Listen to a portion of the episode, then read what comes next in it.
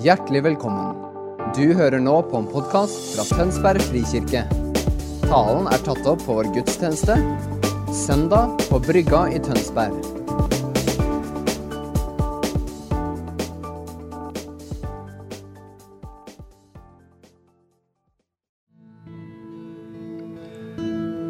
Takk, Jesus, for For den du er, Gud. Takk for at du er Herre.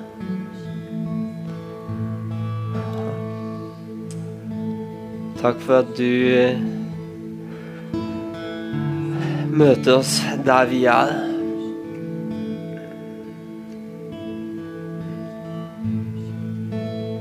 Takk for at du er herre i når vi går gjennom ting som er vanskelig. Og takk for at du er herre når alt er fantastisk.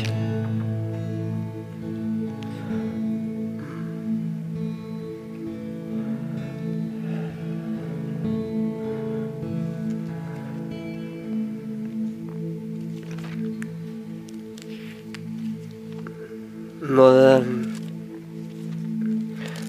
Når Lenita delte før den siste sangen her, så deler hun fra Salme 27.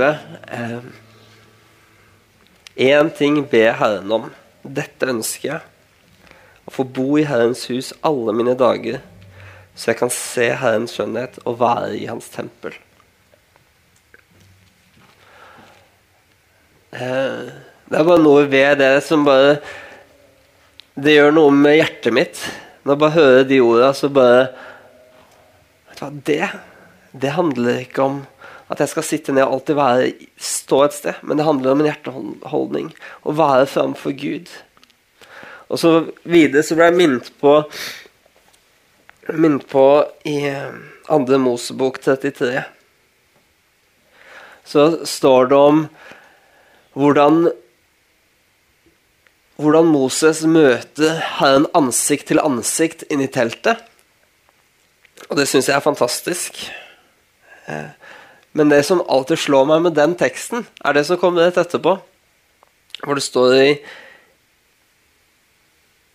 Vel, det står i vers 11. Så talte Herren med Moses ansikt til ansikt, slik som mennesker snakker med hverandre. Siden vendte Moses tilbake til leiren, men tjeneren hans, en ung gutt som het Josva, sønn av Nun, forlot aldri teltet.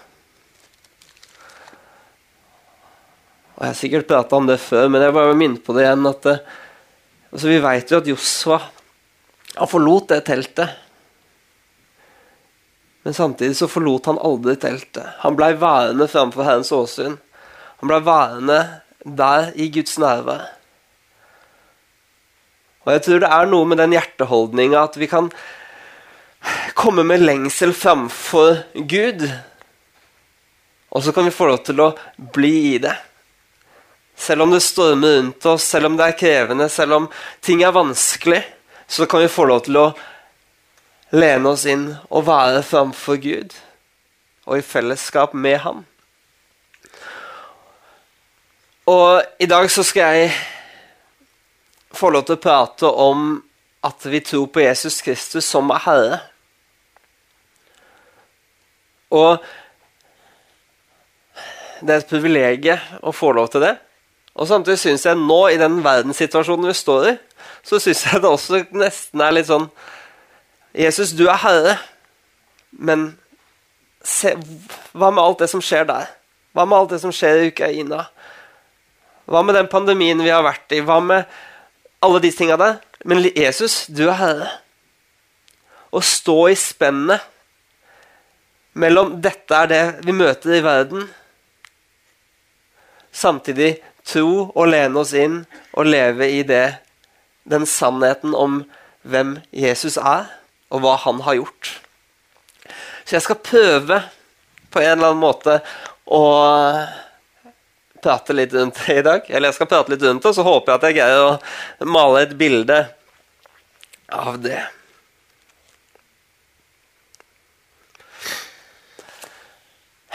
Så Jesus, vi bare takker deg for at du er Herre, at vi kan tro på, tro på deg. Takker deg for det du gjorde på korset for oss. Takker deg, Gud, for at du sendte din sønn Jesus for å dø, for å gi oss liv. Så vi igjen kunne ha relasjon med Gud. Så bare be om at du kommer nå og taler til hjertene våre. Bare be om at du åpner hjertene våre og tar imot det du har til hver og en.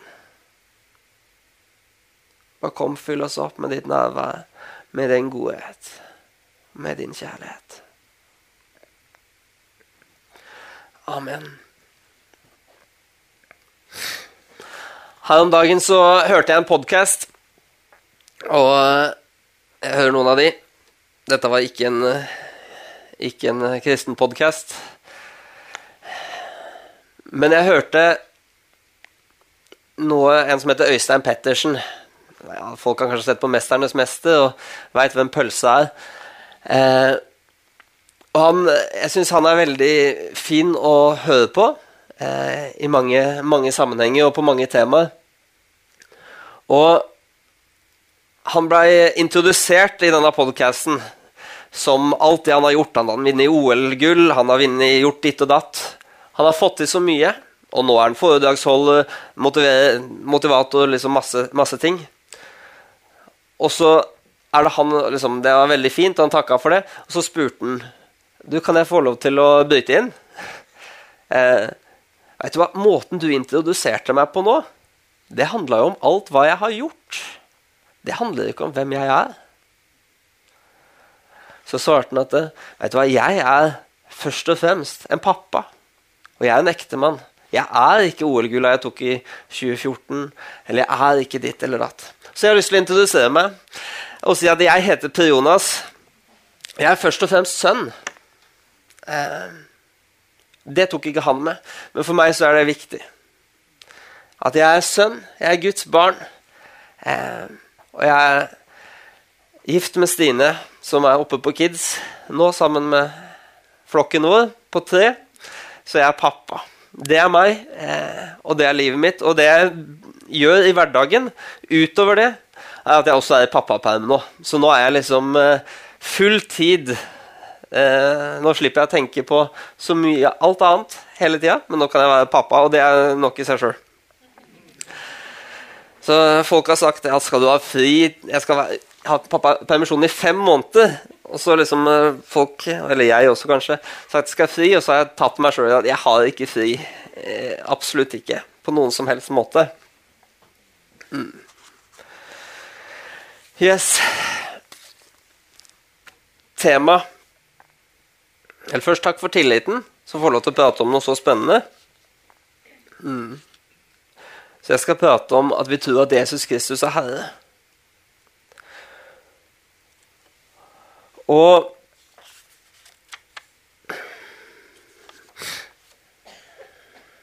når vi skal vi har kanskje u, På en måte så har vi ganske like forutsetninger når vi tenker om hva ordet 'herre' hva det betyr. Og så skal man slå opp på Wikipedia, så står det at det er en mannsperson med makt og autoritet over andre personer. Så, eller en som er herre over et landområde. Eller så kan det være Gud eller Jesus. Det er liksom eh, bildet på det. Og mest sannsynlig så er vi ganske samla når vi tenker på hva, vi, hva som gjelder, gjelder, det ordet, i hvert fall i denne konteksten her. Samtidig så har vi kanskje ulike tanker om hva er det ordet Eller hva betyr det 'Herre' for meg i mitt liv?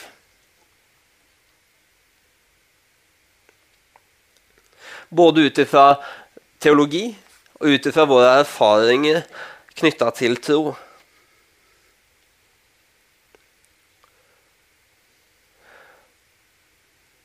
Så jeg har lyst til å dele litt om min kort min historie. Jeg ble kristen i påsken i 20, nei, 2004. Jeg var 16 år like før jeg ble 17, så det er litt over halve livet mitt siden. Når jeg ga livet mitt til Jesus, så hadde jeg god kjennskap til hva kristenlivet handla om, med tanke på at jeg har vokst opp i en kristen familie. Pappa er pastor, og det har vært veldig fint og trygt. Eh, likevel, oppveksten min ble preget av omgivelsene og kulturen jeg var mye i. Jeg var av, jeg spilte mye fotball, eh, jeg gikk på skole hvor det ikke var andre kristne. Eh, så min opplevelse som kristen den ble forma av de omgivelsene. Og hvem Gud var for meg, ble etter hvert mindre og mindre viktig. Og hvem jeg blei i møte med kulturen, var det som blei viktig. Den blei større. Eh, hvem er jeg i møte med det jeg møter her ute? Eh, og det resulterte i at jeg tok et aktivt valg om å ikke tro eller leve som kristen. Jeg tror ikke det handla om at jeg ikke trodde, men det handla om omstendighetene. Det handler om at jeg tok et valg om å jeg vil, det, det er ikke det livet mitt handler om. Mm. Når jeg da ble kristen et par år senere, så var det et resultat at jeg fikk et møte med Gud som forandra livet mitt. Så snudde jeg opp ned på omstendighetene som er livet. Og I Romerne 10, 9-10 så står det For hvis du bekjenner med din munn Nei, hvis du med din munn bekjenner at Jesus er Herre, og i ditt hjerte tror at Gud har oppreist ham fra de døde, da skal du bli frelst. Med hjertet tror vi så vi blir rettferdige, men med munnen bekjenner vi så vi blir, så vi blir frelst. Når jeg handla på disse ordene, når jeg bekjente med munnen min at Jesus er Herre, så var det ikke bare fine ord. Det var en ord som skapte og gjorde en forskjell i livet mitt. Den kvelden, som jeg i etterkant har estimert til å være 10. april 2004, eh, var et vendepunkt i livet mitt. For, den, for da ble Jesus Kristus herre. Og Når jeg sier at det skapte en forskjell i meg, så er det ikke det bare fromme ord, men det forandret faktisk livet mitt. Sånn. På mange områder. Det var et før og et etter. Et skille. På mange områder så var det noen ting som trengte var helliggjørelsesprosesser. Men det forandra verdier, tanker, prioriteringer, holdninger, relasjoner. Og en av de synligste måtene jeg la merke det på, var måten jeg prata på.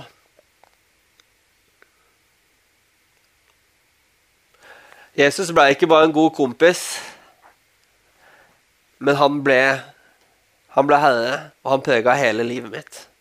Han forandra måten jeg levde livet på, og det fikk utfall på hvordan det så ut ellers i livet.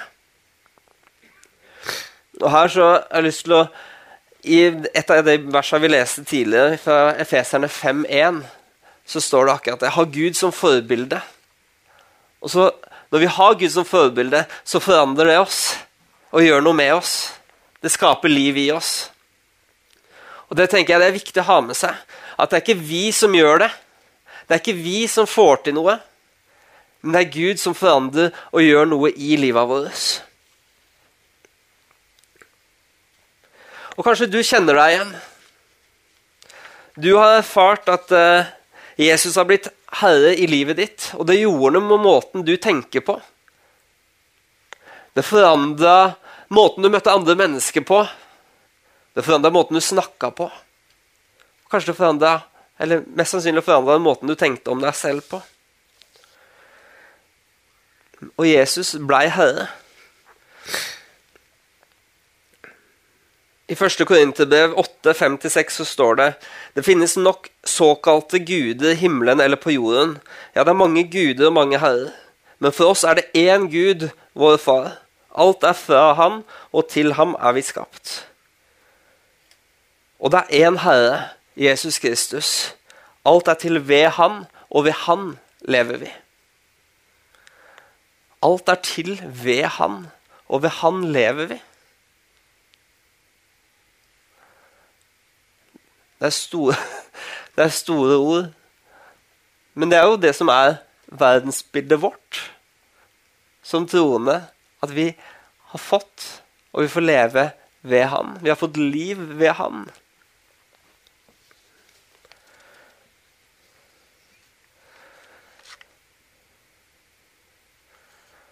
Og Samtidig som det er flott og fantastisk, så syns jeg det er utfordrende.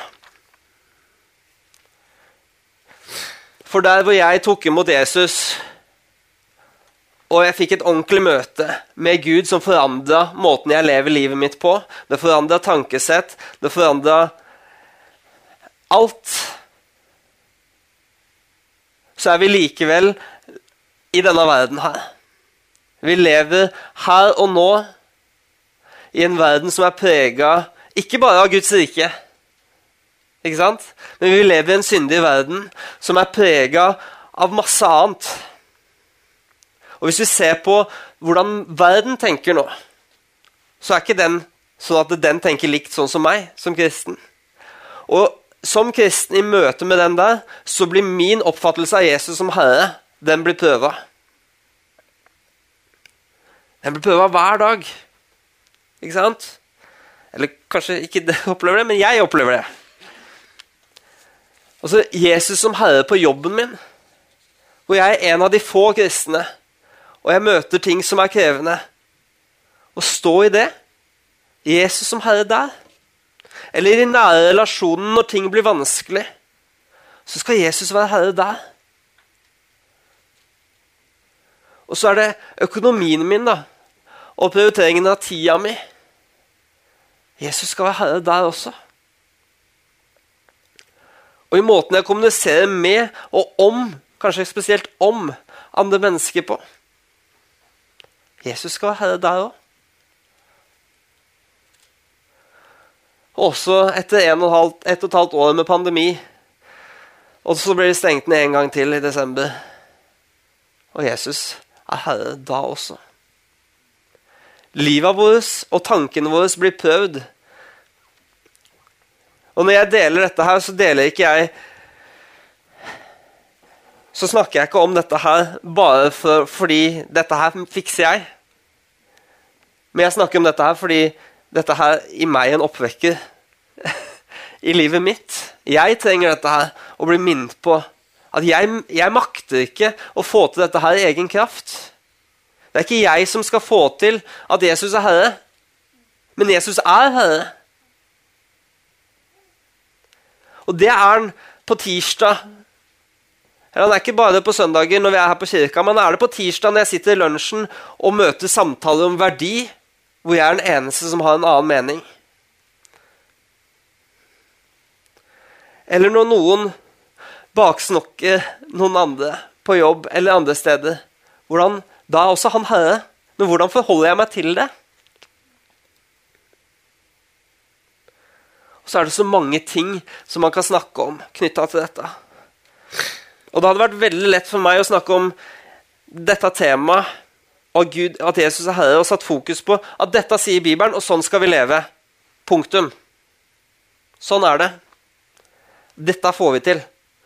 Men vet du hva, da tror jeg vi hadde sittet med en opplevelse at det, når vi er ferdige her. For vet du hva? Jeg tror ikke at jeg Eller jeg tror at vi skal snakke sant og ærlig om hele livet. Om det som er godt, men også at vi opplever ting som ikke er like enkelt å manøvrere gjennom. Og forstå at selv da så er Jesus herre.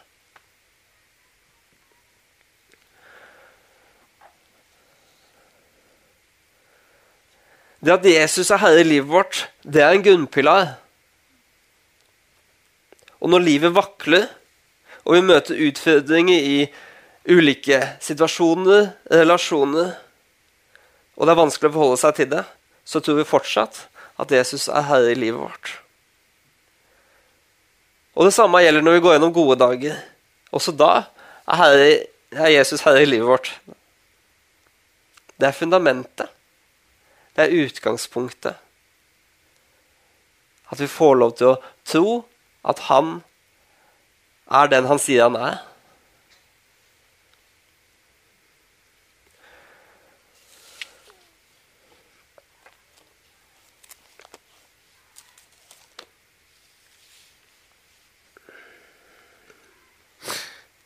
Men så er det kanskje det at det holder jo ikke bare å si at ja, men jeg tror Jesus er herre, men så lever man ikke etter det.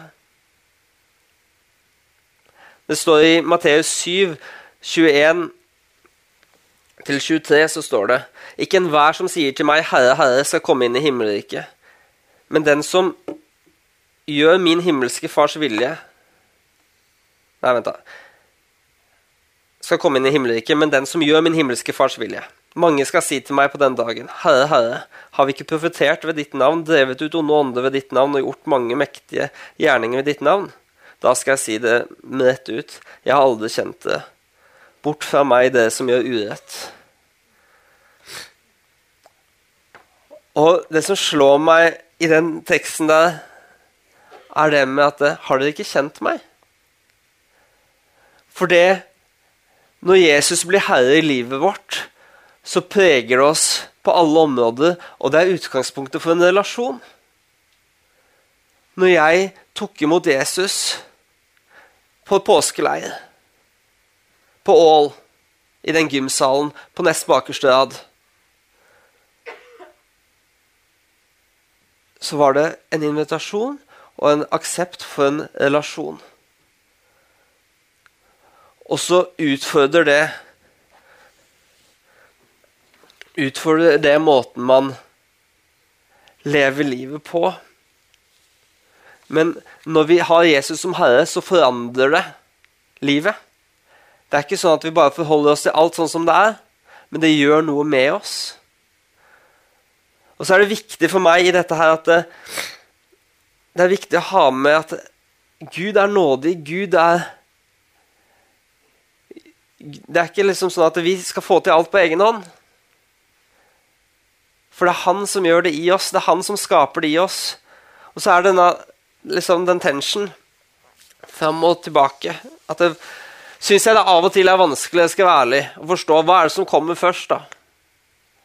Er det det at jeg skal få til det først, og så kommer Gud? Eller kommer Gud først, og så skal jeg få til det? Men Og så tror jeg det er det at Gud kommer og skaper i meg, sånn at jeg kan begynne å tro at han er herre. Det er ikke alltid det oppleves sånn, men jeg tror det er det.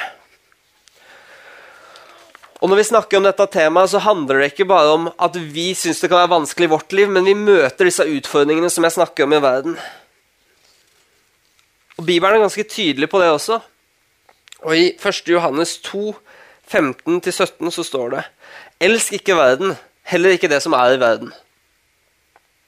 Den som elsker verden, har ikke kjærlighet til far i seg, for alt som er i verden, kroppens begjær, øynenes begjær og skryt av alt den eier, det er ikke av far, men av verden.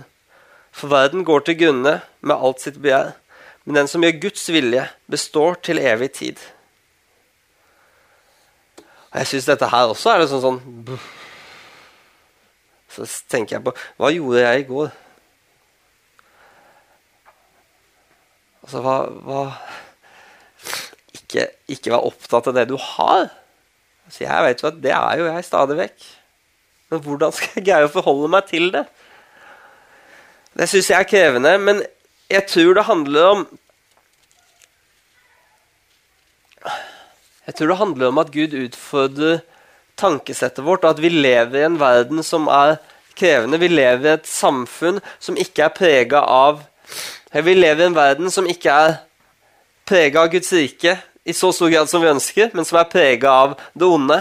Og det er en åndelig kamp. Og i den kampen så blir de moralene og verdiene som tilhører Guds rike, de blir utfordra. Og så står det at eh, vi blir, som, vi blir som de relasjonene vi dyrker, og, den, og, som den kulturen vi tilhører. At når jeg er med noen mennesker som har andre verdier enn meg, så preger det meg. Når jeg lever i en kultur som er helt annerledes enn det jeg egentlig tenker, så blir jeg gradvis mer og mer lik det som står der. Og det blir mer og mer sannhet for meg. Og når vi snakker om verden, at vi ikke skal elske verden, så handler ikke det om menneskene i verden. Og det handler ikke om jordkloden, men det handler om tankesettet. Og John Mark Comer, som jeg syns er en glimrende teolog, skriver i boken 'Live No Lies' at dette ikke handler om disse to elementene av mennesken eller skaperverket. Men det handler om et system av ideer, verdier, moraler, praksiser og sosiale normer som er integrert inn i samfunnskulturen, og som er motpoler til det som er av Gud. Og på den måten også en redefinisjon på hva som er godt og vondt. For det vi opplever som godt som kristne, er ikke nødvendigvis det som verden tenker som er godt. Og når vi da skal ha Herre, eller Jesus som Herre i livet vårt, så handler det faktisk om at vi må stå for de, er, de tankene og de sannhetene som er Guds rike sine sannheter, i møte med en verden som ikke er enig. Og det er krevende, det er vanskelig. Og der tenker jeg at uh, utfordringa for oss er at dette her ikke skal bli lovisk. Jeg kjente på det i bønnemøtet at jeg ønsker at vi skal kjenne på en glede og en frihet knytta til det at Gud er Herre. Det er, et, det er, ikke noe vi skal få til, det er noe Han er som et resultat av at vi har sagt ja til Han. Han er Herre i livet vårt. Punktum.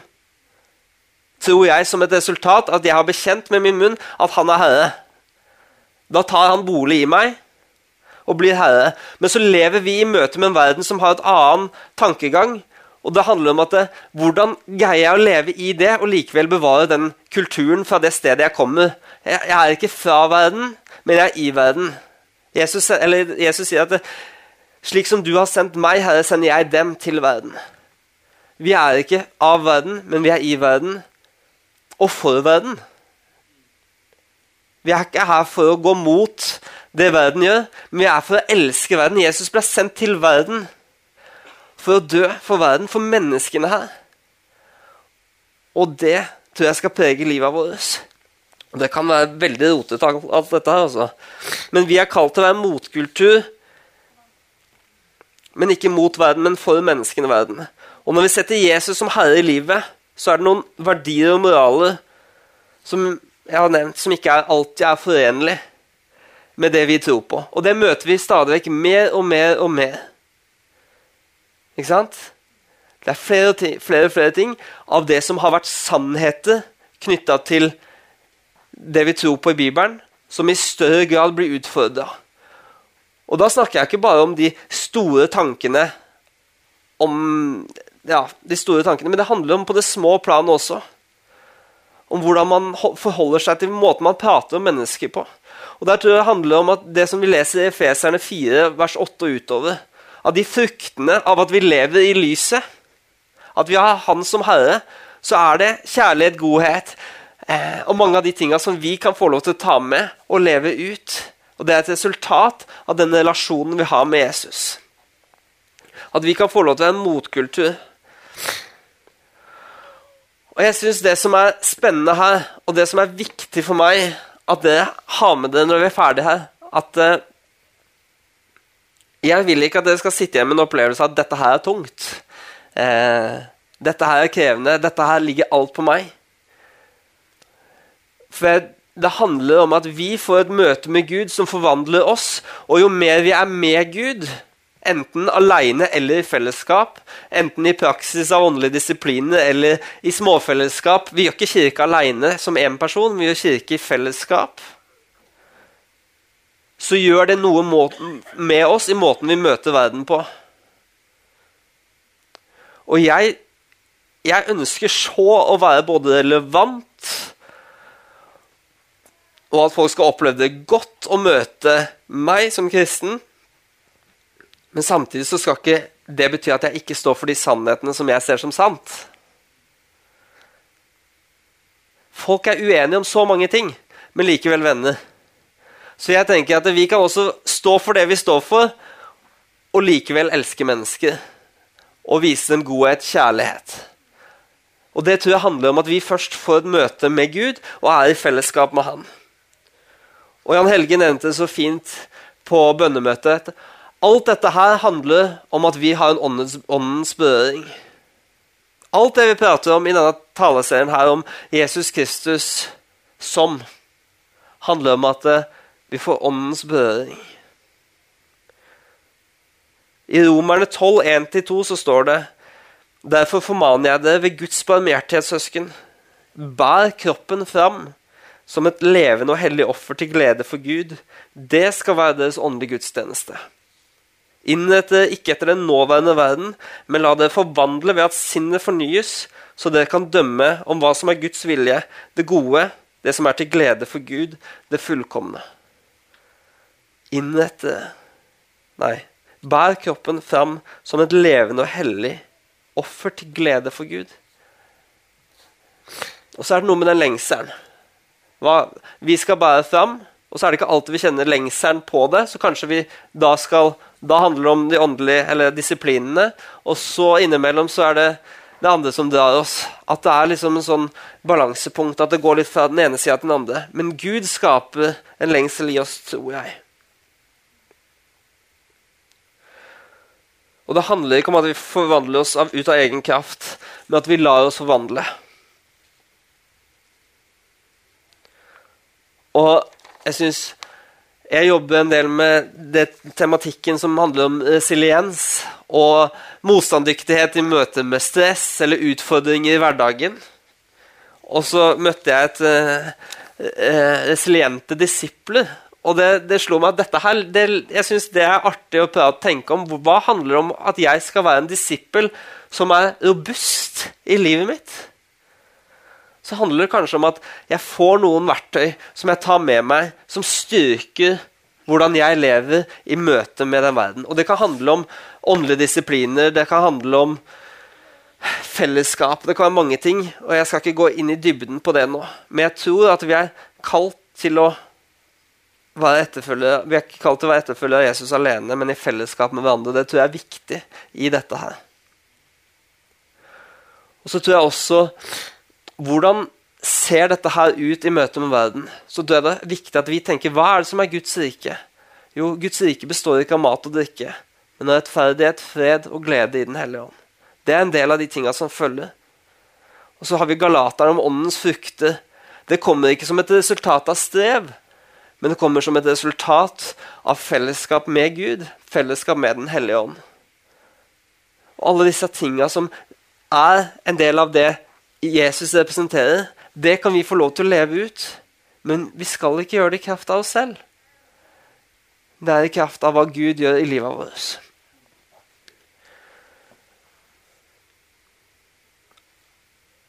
Jeg har snakka mye om hva vi kan kanskje få til.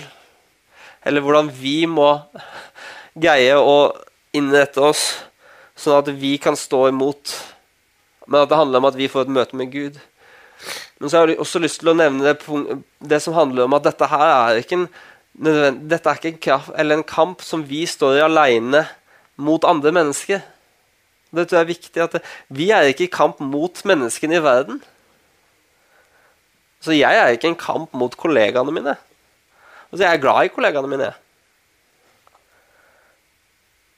Jeg ønsker å være til stede i denne verden, for jeg er sendt til verden for å være her for å elske, for å bry meg. For å være Jesu hender og føtter. Det tror jeg vi alle sammen er. Og Da tror jeg det også er viktig at det, disse tingene som vi prater om, om verdier, om moral, om en del av de elementene, så handler det ikke om at vi skal gå rundt og fortelle andre hele tida hva de skal gjøre. Men det handler om at vi, vi taler sannhet om hva vi tror på, på en god og en respektfull måte. Og så skal vi også be om at Gud og det åndelige skal tas hånd om av det åndelige på mange måter.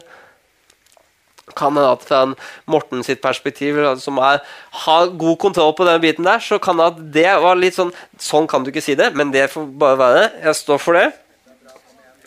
Men i Efeserne 6.10 syns jeg at vi skal ha med den, det som handler litt om dette her også. For det handler nå om hvordan vi gjør oss stand til å stå i trøkk også i det åndelige som møter oss i hverdagen.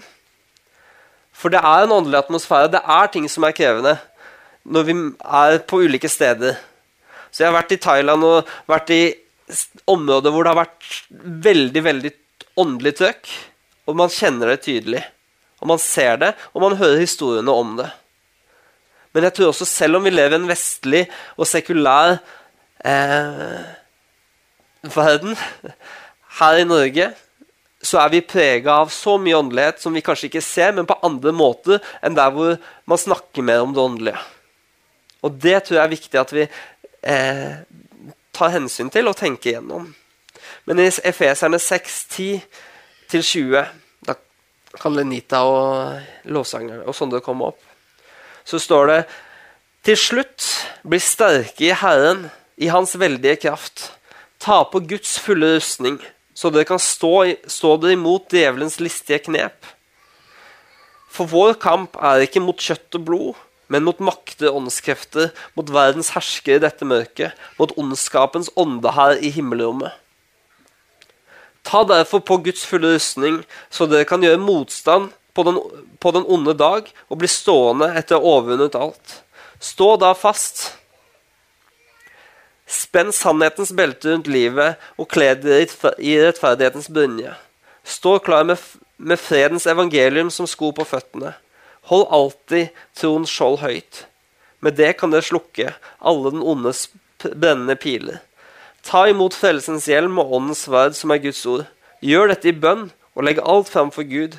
Be alltid i ånden. Våk og hold ut i bønn for alle de hellige, også for meg. Be om at det rette ord må bli gitt meg når jeg skal tale, så jeg frimodig kan gjøre evangeliets mysterium kjent, det som jeg sender bud for også mens jeg er i lenker. Be om at jeg evangeliet får frimodighet til å tale slik jeg skal. Det er en kamp mellom i det åndelige, og, men vi kan stå klare til å ta imot ved å ta på oss disse og ta frem disse, denne rustningen. Så det er en oppmuntring. Ta, når dere går hjem, kanskje i kveld eller i morgen eller i løpet av uka, ta min, slå opp i Efeserne 6.10 og les gjennom disse ordene som handler om rustningen, for å være rusta for en ny uke. Eh, og Det handler ikke om at, er, at vi går ut og at vi skal gå med dette mindsetet om alt er så fryktelig der ute. Men det handler om at vi kan gå og så ta på oss tanken om at vet du hva, Jesus han er, god, han er god. Han elsker oss, og han er Herren min. Og jeg kan få lov til å bringe med meg det han er i møte med denne verden. Det handler ikke om at vi skal, vi skal la oss diktere hva som skjer der, men vi kan få lov til å være positiv innflytelse inn i denne verden. Ved å vise godhet, kjærlighet, takknemlighet, empati, omsorg, glede, raushet, trofasthet Så mange ting som er verdier i Guds rike, som er til dels også kan være glemt for mange. Og da kan vi få lov til å bringe det inn på en god måte. Vi tror på Jesus Kristus som herre i våre liv. Og i den tiden og det samfunnet vi lever i, så kan vi få lov til å stå imot alt det som kommer mot oss. Men i godhet. Og i, i, det at vi tar imot av i det han har gjort for oss.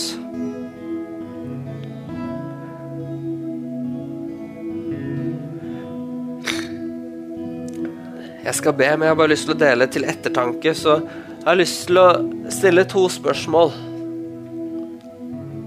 Eller i hvert fall ett. Hvordan ser det ut for deg at Jesus er herre i livet ditt akkurat nå? Det handler ikke om at, uh, å leite etter det som er feil, men heller se på hvor i livet mitt er det jeg finner det. Og kanskje spør han Gud Gud, hva ønsker du å gjøre i meg? For at jeg kan stå sterkere i møte med alle de tinga jeg møter i livet som kan være krevende. Så Jesus, vi takker deg. Takker deg for den du er. Takker deg for din godhet. Takker deg for at du er herre i livet vårt. At det kan være grunnpilaren i det livet vi lever. At vi kan ha tillit til deg og den du er.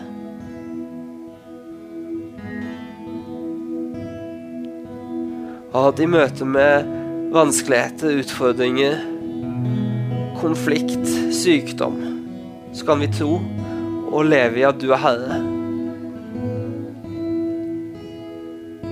Og at eh, når vi møter det gode, så kan vi også leve i bevissthet at du, du er herre da også. At det preger måten vi møter disse ulike tinga på. Gud, jeg bare ber om at du kommer og fyller hver og en opp med mer av din ånd, mer av din godhet, mer av din kjærlighet. Og ruster oss til å gå inn i det som ligger foran oss, sterke og i trygghet på at du er Herre. Kom og møt oss, Jesus. Amen.